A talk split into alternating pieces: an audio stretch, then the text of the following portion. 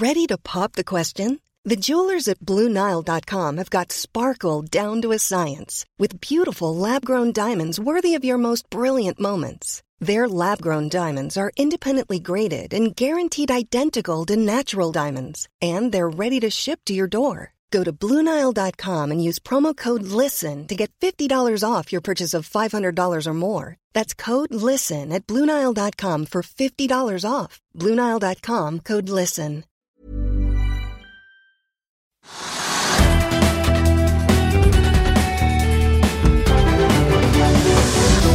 Velkommen til Økonominyhetene. I dag besøk av Joakim Johannessen fra Skattebetalerforeningen. Vi begynner her hjemme i Oslo Børs. I dag er vi ned 0,5% Ja, markedet er sånn litt ubestemt. Det er ingen som vet hvor det skal gå. Og de europeiske børsene var ganske bra i går, de fleste.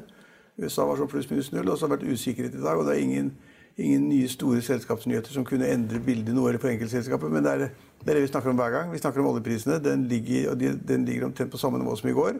En sånn range mellom 62 dollar per fat for lettoljen og 69 dollar for brentoljen. og det betyr også da at de, de reelle oljeaksjene, da, eh, som da er Aker BP og Equinor, at de har beveget seg litt ned i dag, faktisk. Altså Equinor har vært ned halvannen prosent og Aker BP en halv prosent.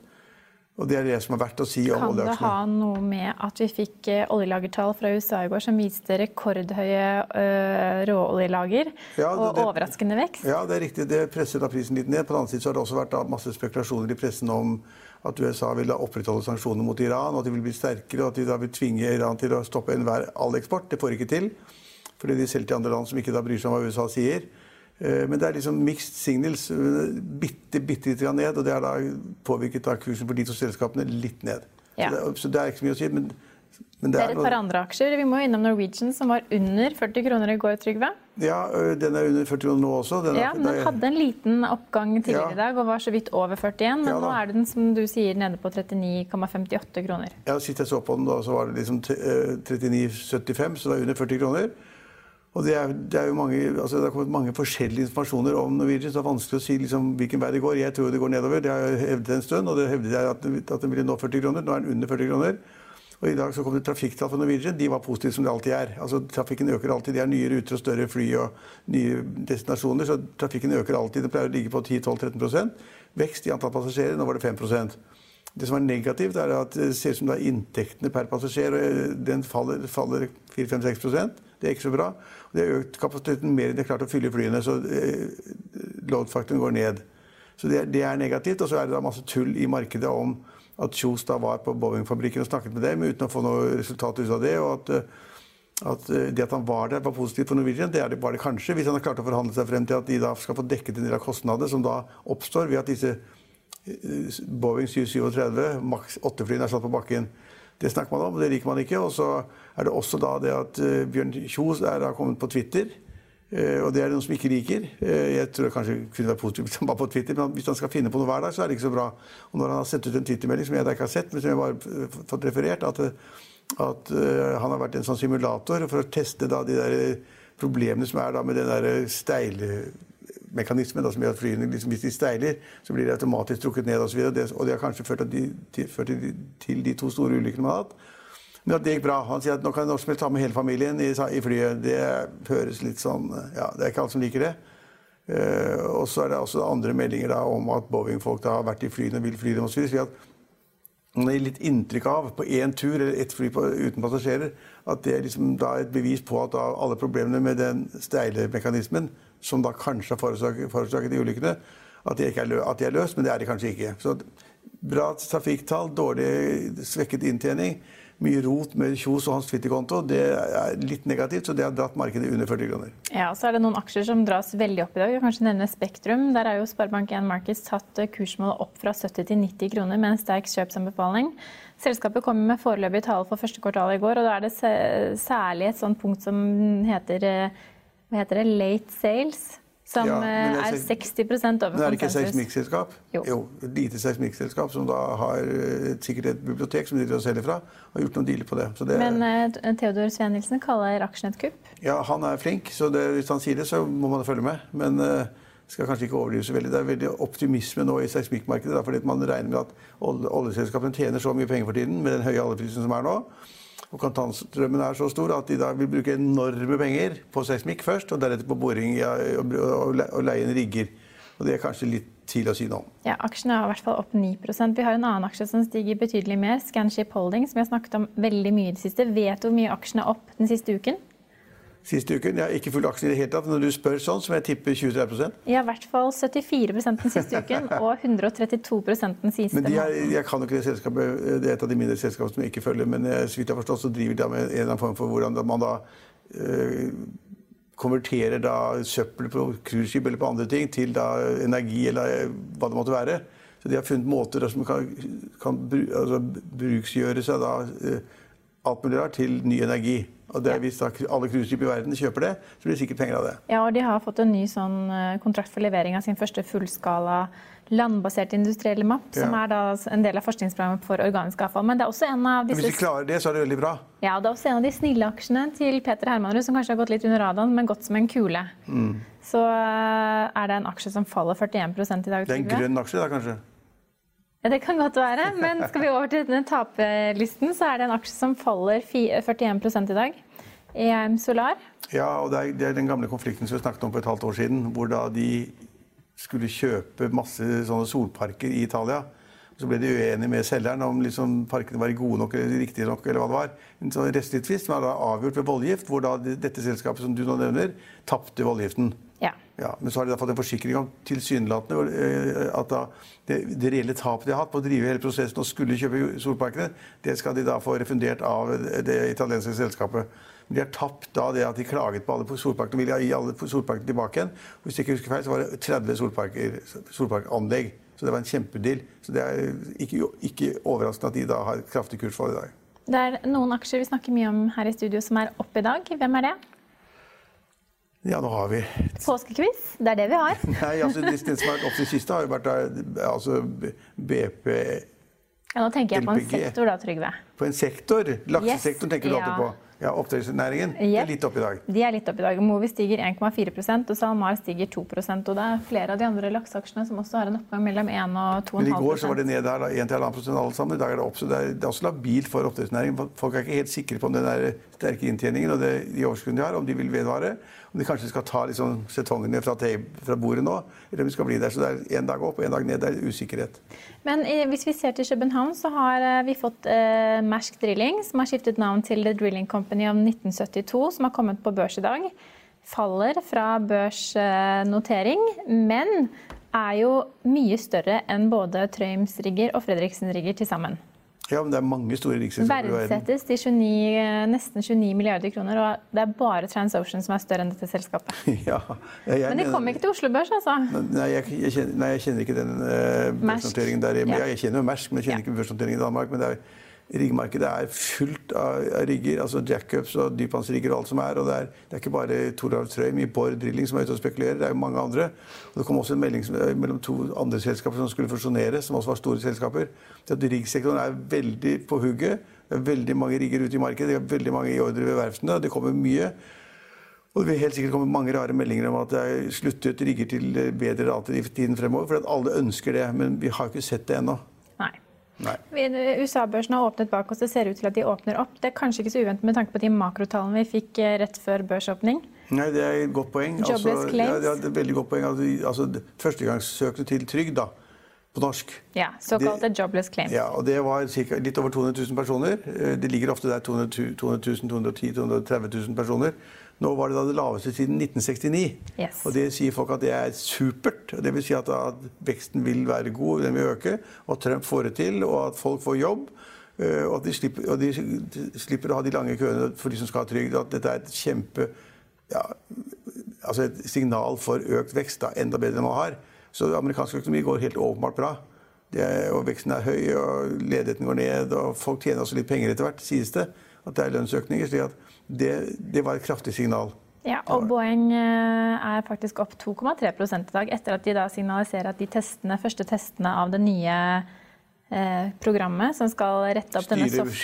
styre skipene, styre flyene. ja, skal ha gått eh, bra. Ja. Ja, Det var hovedtrekkene til vinner- og taperlisten. Skal vi snakke skattemeldingen med Joakim Johannessen fra Skatt Skattebetalerforeningen. Vi tar med oss oljeprisen. Brentollen er nå opp 0,31 til 69 dollar 46 cent. Dagsomsetningen på Oslo Børs er 2,1 milliarder kroner. Vi er tilbake og fått med oss Joakim Johannessen fra Skattebetalerforeningen. Velkommen til oss. Har dere fått mange telefoner fra bekymrede skattebetalere i dag som har åpnet skattemeldingen og fått sjokk?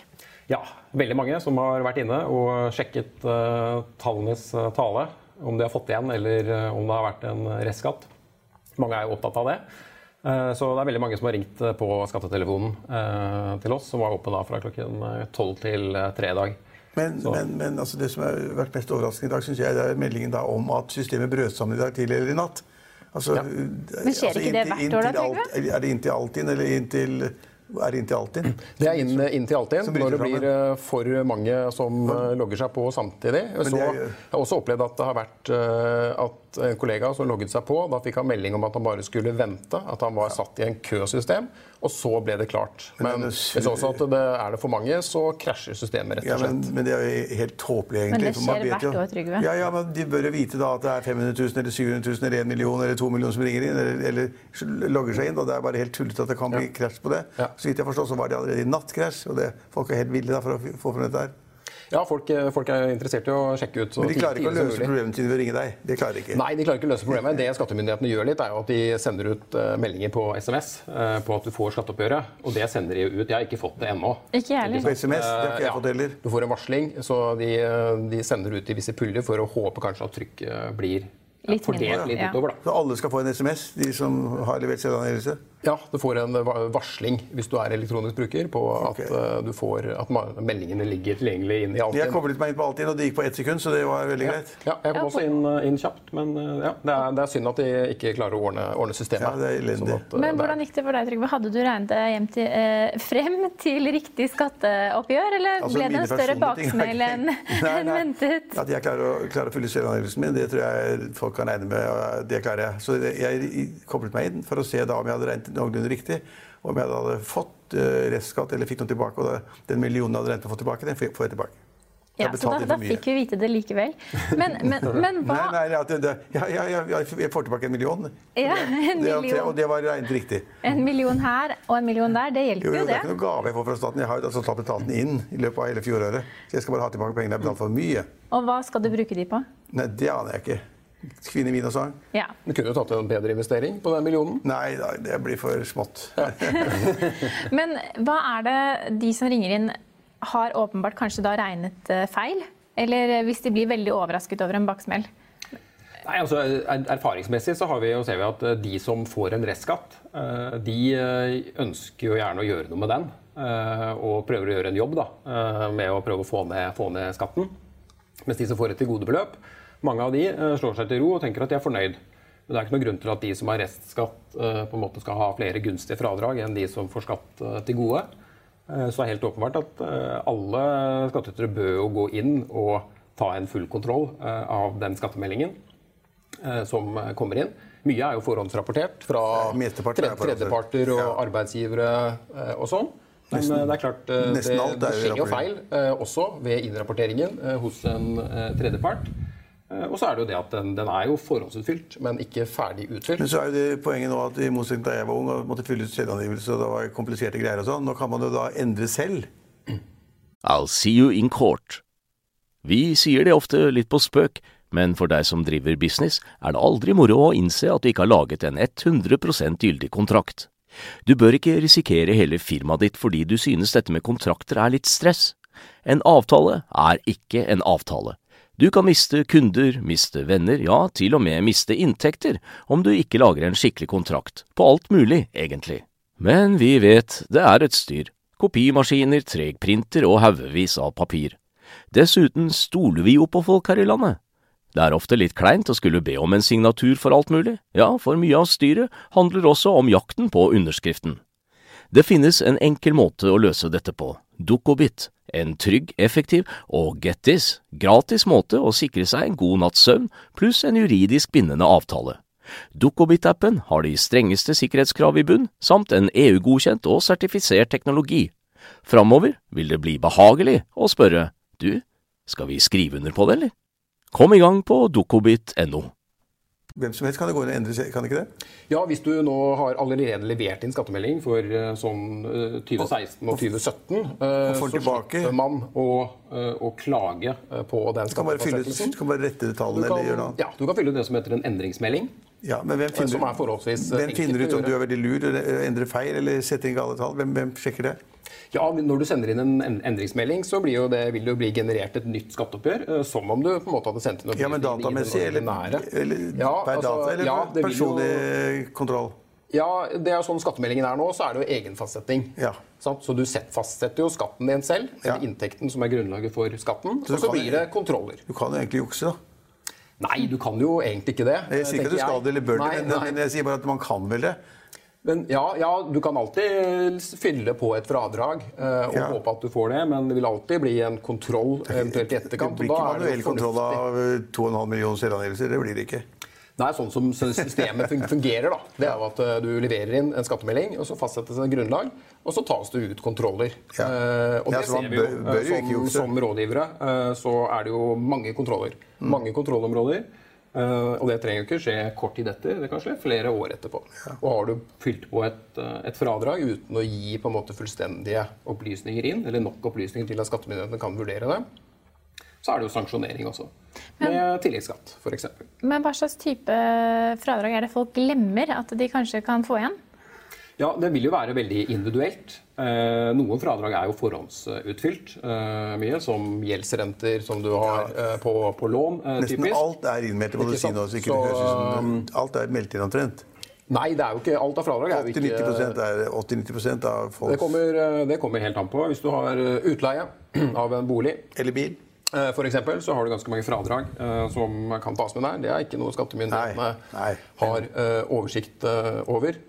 i, Men bilene dine og hytta di og huset ditt og løsøret ditt og Ja, har du private lån eller fordringer, så er det heller ikke, ikke forhåndsutfylt. Blant annet har du eiendom eller formue i utlandet. Det er heller vanligvis ikke forhåndsutfylt i skattemeldingen, som man får tilsendt.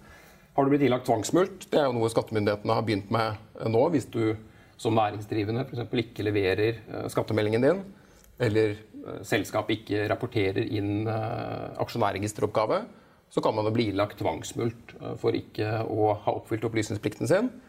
Og det er jo en kostnad som er fradragsberettiget, og som heller ikke er forhåndsutfylt. Det si at mange har blitt ilagt tvangsmulkt. Det er også en type fradrag som man vil kunne kreve fradrag Du, for. du nevnte bolig. altså Det er jo veldig mange etter hvert med Airbnb og andre ting som leier ut boligen sin. Og Ja. Der er jo skatteregelen, hvis jeg husker rett, at det er 10, 000 det er skattefritt. Ja. Og så over det så må man da ha kostnader eller utgifter eller gjøre, lage et regnskap eller sånt. da. Nei, Hvis det er korttidsutleie, så følger man nå egne, egne regler. Hvis det er leieforhold er mindre enn 30 dager, typisk Airbnb. Eh, og da følger man de reglene som var for utleie av fritidseiendom. Så da er de 10 000 første 10 000, skattefrie. ja. Og så er det de 85% av overskytende inntekt er skattepliktig. Med 23 Eh, men, ja, men da får du ikke fradrag Nei, det er sånne for noen sjablonggreier. Altså. sant? Så da har du fått de 10 000 første skattefrie, eh, og så har du fått 15 rabatt. da. Så Og da får du ikke fradrag. Hvis Eline leier ut bilen sin, så kan du da leie ut uh, Da kan du tjene 10 000 uten å betale skatt av det. Men da, da kan du trekke fra utgiftene. Ja, Det er litt annerledes enn på bolig, da. Ikke sant? Hvis jeg husker rett. Så, men klart, den der Airbnb det er jo utleie av egen bolig. Ja. Eh, Men kan også leie ut egen, leie ut egen bil. Ja, Nabobil har jo blitt en sånn stor populær ja, tjeneste som til og med anbefales av både buss- og togleverandører. Ja. Mm. Da har skattemyndighetene kommet opp med et egen uh, vurdering av hvordan man skal håndtere de, Ja, da, de forholdene. da tjener du også 10 000 skattefritt, og så får du da rett til fradrag for visse kostnader. eller sånt, et eller annet. Ja, jeg husker ikke helt eh, de reglene. i forhold Jo, det er noen regler per eh, kilometer, per kroner eller sånn, Nabobil, men det er, eh, det er noe fradrag for en kilometersats som Ja. er 340. Men To- to-tre kroner eller si, sånn. Ja, 100% på Så det. det er, det, er, det er god grunn til å sjekke, helt inn og sjekke den meldingen man har fått, om den stemmer eller ikke. Det er jeg helt enig i. Ikke sant? Ja. Så det er alltid vi, i hvert fall som rådgivere i Skattebetalerforeningen, så Titt og ofte i våre møter med skattytere, om det er på telefon eller i konferanser, så er det alltid, eller ofte, at det er noe fradrag som ikke er, er der. Eller om det er noen inntekter som ikke er kommet med, eller at det er feilrapportert. Men annet enn at eh, systemet da brøt sammen, som veldig mange opplever at de gjør hvert år, er det, var det noen store overraskelser eller forandringer i årets skattemelding? Nei, altså det, det som er eh, nytt noe på årets skattemelding, det er at eh, de, fra 2019 så skal det komme en helt ny skattemelding for lønnstakere og pensjonister. en sånn forenklet skattemelding som mer skal guide skattytere gjennom og stille konkrete spørsmål eh, som er relevant for den skattyteren. Nå er det et lite prøveprosjekt med personer som har helt enkle skatteforhold. Det er ca. 300 000 som er med på, på den ordningen, men det er noe som, som vil bli gjennomført. Så det er jo, Hvis du driver jo... med utleie av bolig, for eksempel, så blir du guida igjennom. da, At du får med deg de fradragene som du er klar over. Mm. Du får spørsmål om du har du utført vedlikehold. Har du hatt tilsynsreiser til uh, boligen din? Har du krav på avskrivninger for møbler? Så du blir guida igjennom både på inntektssiden og på, på fradragssiden. Så det er bra, men det gjelder jo ikke for de fleste av oss eh, nå. Uh, fra og med 2018, så det er 2019 at det gjelder. da. Ja. Eller så er det denne som vi snakket om, Airbnb-utleie. Og så er det jo også en endring i forhold til pendlere. Ja som man ser. Der hvor eh, de som da må bo borte pga. jobb eh, og må overnatte, og bor privat med kokemuligheter, de mister da ikke fradraget. Og det er jo de fleste som er pendlere. De har en eller annen leilighet som de bor i. Og har man kokeminutter da, så får man ikke det. Så det er jo 205 kroner per døgn. Ja. Og med 230 arbeidsdager så er det 50 000 i fradrag. Så sånn i 2018 da, mista det, så er jo det over 10 000 kroner i det, men, mer skatt. Jeg, jeg, jeg, har, jeg, har, hatt kontakt med Skattebetalerforeningen i 100 år. Mm. Uh, altså, det er vel blitt lettere å fylle selvangivelsen? Det er jo lettere at det blir sendt inn så mye på forhånd at selv om du må korrigere for alle de postene du nevner det er, jeg innbiller meg at liksom det er blitt lettere da, med den elektroniske måten å gjøre det på. Nei, det er jo selvfølgelig blitt enklere i form av at uh, de opplysningene som kommer der, de er jo forhåndsutfylt. Ja. Så du slipper å Massevis. sjekke bilagene og manuelt føre det inn. Så alle, jobben alle, blir jo å, å kontrollere. Ja, alle du har jobbet for, hvor du har en, en personinntekt. Alt er sendt inn, så det, det ligger jo inne alt sammen. Du har fått uh, styrehonorar eller lønninger eller hva det måtte være. Alt er jo inne. Ja, ja, så du må bare gjøre jobben da, med å kontrollere opp mot ja. uh, de årsoppgaver og opplysninger du har fått fra tredjeparter. Med de opplysningene som står på skattemeldingen. Ofte så er det jo riktig, men vi ser jo at det er feilrapporteringer. Kanskje der hvor du har flere arbeidsgivere. Kanskje en av arbeidsgiveren eh, har gått konkurs, ikke sendt inn eller rapportert inn for seint. Så vanker det jo tilleggsskatt. da. Eh, og vi ser jo det i eh, en del, eh, en del, saker. Men klart det har jo blitt enklere ved at man slipper å foreta den ja, ofte, manuelle overføringen. Da, I gamle dager var det ofte at man hadde man fått med alle aksjene sine i alle mulige selskaper osv. Nå er jo alt inne. Ja, ikke, ikke helt presist, men eh, det er jo hvis det er forhånds, altså norske selskaper og utenlandske selskaper registrert på Oslo Børs, ja. så er det jo forhåndsutfylt i aksjonærregisteroppgaven. Ja. Men eh, det er fortsatt eh, mange selskaper som, utenlandske selskaper som ikke er registrert på Oslo Børs, hvor man da må gjøre den jobben, jobben selv. Har man i aksjefond nå, um, så skal det også være forhåndsrapportert. da. Ja. Men det er jo, når man snakker inne på, på, aksjer, så er jo det en av de nye, det er et nytt skjema. Eh, for da, hvis man eier aksjer i selskaper som ikke er forhåndsutfylt på skattemeldingen, så er det et eget uh, nytt, uh, nytt skjema, RF 1159, som, som, gjelder egentlig for alle verdipapirer og finansielle instrumenter. Som er litt forenklet skjema i forhold til det som har vært før. Det har vært veldig komplisert, det skjemaet som har vært tidligere. Så nå er det litt et enklere Eh, enklere skjema i hvert fall, å, å, forholde seg til. Og kryptovaluta er eh, like lett vanskelig å regne inn i selvangivelsen, eller hvordan er det med det? Ja, det er jo, det er jo komplisert det òg, men eh, sånn skattemessig så, så, er det jo formuesskatt. Og foretar du transaksjoner, altså salg, så må du jo ta en gevinstberegning på det. Og har du sånn virtuell valuta, så er jo det da som skal inn i dette nye, nye skjemaet, blant annet. Trygve, hvor mye bitcoin har du? Bitcoin? Det er vel ingen som er så negativt til bitcoin som jeg, meg i Norge. Ja, jeg spådde det fallet fra 20 000 ja. til 5000 eller 3500 ja. dollar. Nei, det skal jeg ikke drive med. Det er bare tull. Men eh, det er vel vanskeligere for myndighetene å se hva man har, hvis man ikke realiserer gevinst? Så er vel dette på kontoer, eh, utenlandske nettkontoer? Ja, det er klart at eh, kontrollmulighetene nå er jo kanskje mindre. Eh, ikke sant? Men allikevel, man vet jo aldri når skattemyndighetene får full kontroll på det. Og er det et eller annet bokettersyn, eller noe sånt, så må man jo prøve å fremskaffe det. Så, men det, klart, det er jo ikke så lett tilgjengelig, og kanskje ja, saksbehandleren på skattekontoret forstår heller kanskje ikke helt hvordan den Nei, fungerer. Bitcoin får ikke de myndighetene tak på på lenge, lenge. Hvis de helt tatt noen gang får tak på det, så får de ikke tak på det. i hvert fall.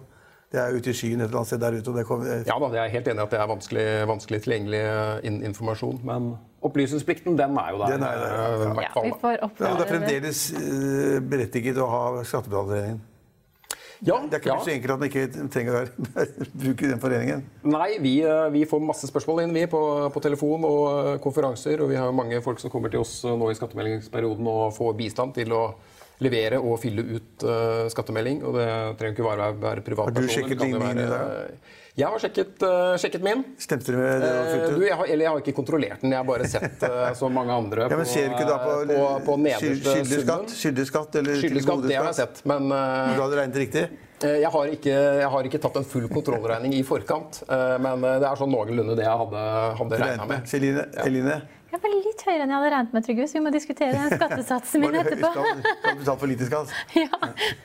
Få svi for det til høsten, nei da. Ja. Sånn er det. Men så, så ikke noen sånne voldsomme rush, men selvfølgelig folk som da er, eh, vil sjekke av med dere om de kan ha gjort feil eller ha fradrag de ikke er berettiget. Eller som de er berettiget, men har glemt å få med på selvangivelsen. Ja, det er, jo nå, det er- jo nå folk vekkes litt til liv, da. Men hvor lang tid har man nå? da? det. Du, Er man lønnstaker og pensjonist, så har man til 30. eh, i fjerde. Eh, Er man næringsdrivende, så har man til 31.5. Men det er ikke noe problem å be om utsettelse Nei, hvis så man man har trenger lang, mer tid. lang tid å surre med dette her. Altså, det var bare tull å drive hele natta i dag og holde på med det. Ja, du har jo Hvis ikke du har mistet noen- noen nattesøvn da, og bare trenger å få alt på Jo, jo, man har lang tid å korrigere hvis man må korrigere et eller annet. et Ja, eller det er klart det er jo sånn, Skattemeldingen kommer forholdsvis seint ut i forhold til påsken som eh, faller midt inni her også. Eh, så, men man har i hvert fall mulighet til å kunne be om utsettelse hvis man trenger noe mer. Og resultatet får vi når? I- Når det kommer liksom da, Dette er jo innmeldingen. Når, når kommer selve Det, resultatet? ja, det første skatteoppgjøret det kommer eh, 20.6. Ja. Uh, og så kommer det neste i august, og så er det sånne puljevise. Det Ja. sendes ut hver, Altså, det er- hver Og uke. restskatt kommer vel fra august og utover det òg. Ja, det kommer jo etter du får skatteoppgjøret. Så Ja. får du innbetalingsgiroer på restskatten. Um, som da må beta- betale Er er Restskatten eller med men jeg får penger tilbake. Ja, Ja, kanskje vi kan gjøre en sånn synes- derre splitt? Sånn Legges alltid i en pott. Ja, det syns jeg hørtes ut som en bedre deal. Jeg vil gjerne hjelpe staten og liksom litt forskuddsbetaling og sånn. Ja, det er sånn typisk milliardærholdning på Oslo vest. Nei, men tusen takk for at du kunne være gjest hos oss i dag.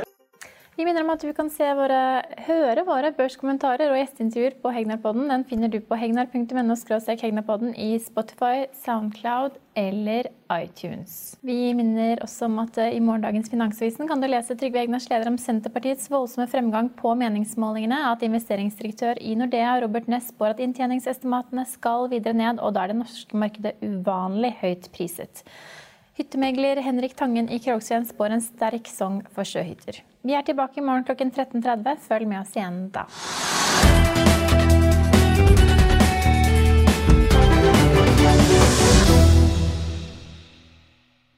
Økonominyhetene er en podkast fra Finansavisen. Programledere er Marius Lorentzen, Stein Ove Haugen og Benedikte Storm Bamvik. Produsenter er Lars Brenden Skram og Bashar Johar. Og ansvarlig redaktør er Trygve Hegnar.